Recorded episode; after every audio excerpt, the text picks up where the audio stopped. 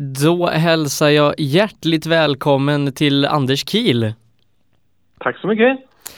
Du, eh, jag tror många med mig sitter och undrar vad är det som händer i Borås den närmsta tiden och då kommer jag att tänka på Anders, han är personen som vet det. Eh, har du något att berätta om ja, vad som händer nu inför juletid här i Borås? Ja, absolut. Det händer en rasande massa grejer men eh, för att ta det korta perspektivet då så kan man väl börja redan med helgen om man eh, vill hitta på någonting då. För då har vi ju faktiskt Mariedal Cup för 39 gången. Eh, en av världens största ungdomsturneringar inomhus i fotboll. Hur många, eller hur många lag är det som är anmälda i år? Har du koll på det? Eh, nej, det har jag faktiskt inte. Det har ju varit en vikande trend under ganska många år. För det finns rätt få juniorlag eh, numera. Men eh, i år så ökar det faktiskt eh, för första gången på 15 år tror jag. Så att, eh, det, det är positivt. Men det är fortfarande en väldigt stor turnering. Är det utländska lag representerade som det har varit tidigare år? Ja, jag tror att det finns några stycken. Jag ska inte svära på det, men eh, några från våra nordiska grannländer tror jag. Jaha, eh, Mariedal Cup till helgen alltså eh, Elfsborg storfavorit som vanligt? Ja, det återstår att se. Det, det, får jag överlåta till andra att bedöma. Men om man inte lust att titta på fotboll så kan man eh, titta på orienteringsäventyr. Där har vi också faktiskt ett av Sveriges största orienteringsevent i helgen om man bortser från O-ringen då som arrangeras varje sommar. Men eh, O-event eh, kör här för, vad kan det vara, eh, närmare tio år nu tror jag som eh, man kör tre dagars orientering med nattsprint och downhill på Ryåsar och på söndagen så kör man i djurparken. Det är ganska spektakulärt som lockar flera tusen startande. Men man kan alltså kolla på orientering i djurparken?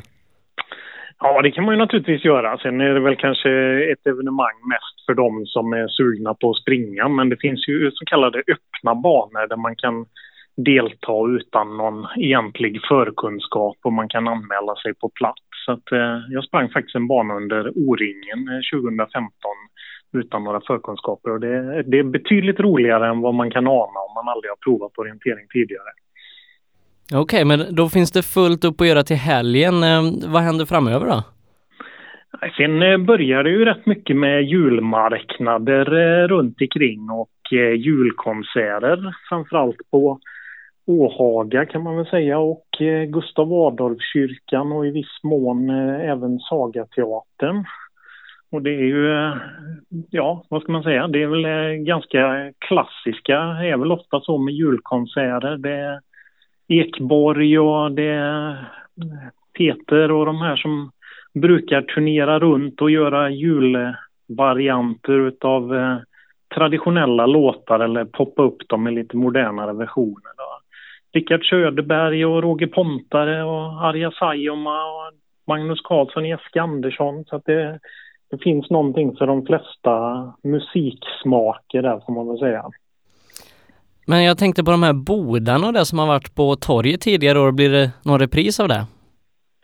Ja, det kommer nog bli lite annorlunda i år, men eh, det får vi nog eh, återkomma till sen lite längre fram. Men det blir inte, inte bodar i den bemärkelsen så som det har varit eh, ut med Stora torget tidigare.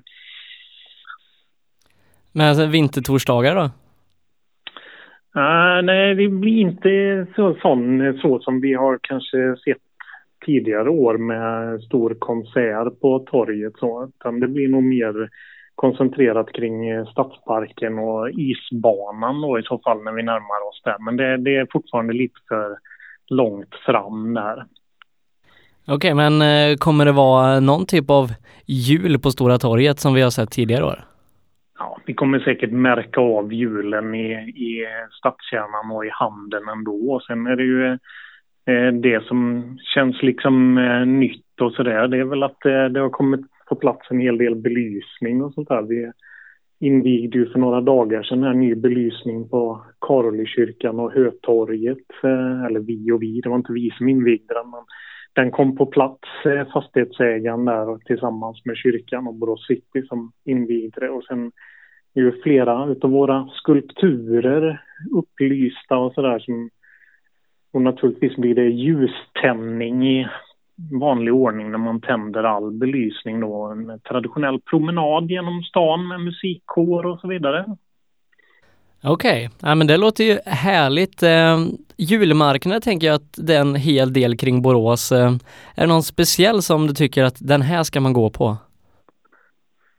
Nej, jag är väl kanske inte rätt person och fråga kring julmarknaden. Jag har rätt bra koll på vilka som finns, men eh, jag är ju inte själv någon sån här stor eh, julmarknadsbesökare, men eh, det, det, finns ju en hel del traditionella julmarknader som har funnits under väldigt många år på Hemgården och så vidare. Sen Brämhults gård kan ju vara ett nytt, eh, om man inte har testat innan. Det är ju fantastiskt fin miljö, särskilt om det är vinterlandskap där uppe.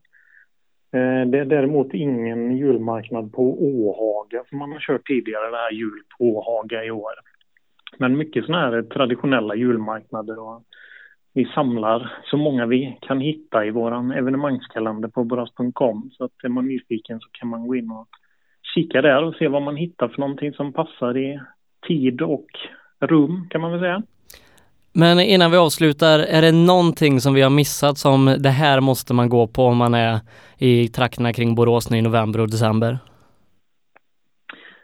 Ja, det beror lite på vad man är intresserad av, men någonting som jag skulle vilja rekommendera det är ju boxningsturneringen King of the Ring som ligger 25 till 27 november i Boråshallen. Vi har ju två boxningsevent, ett för damer och ett för herrar varje år och eh, de har ju faktiskt seglat upp och blivit något av Europas största turneringar inom boxning. Så där kan man få se riktigt bra boxning om man nu är intresserad av det.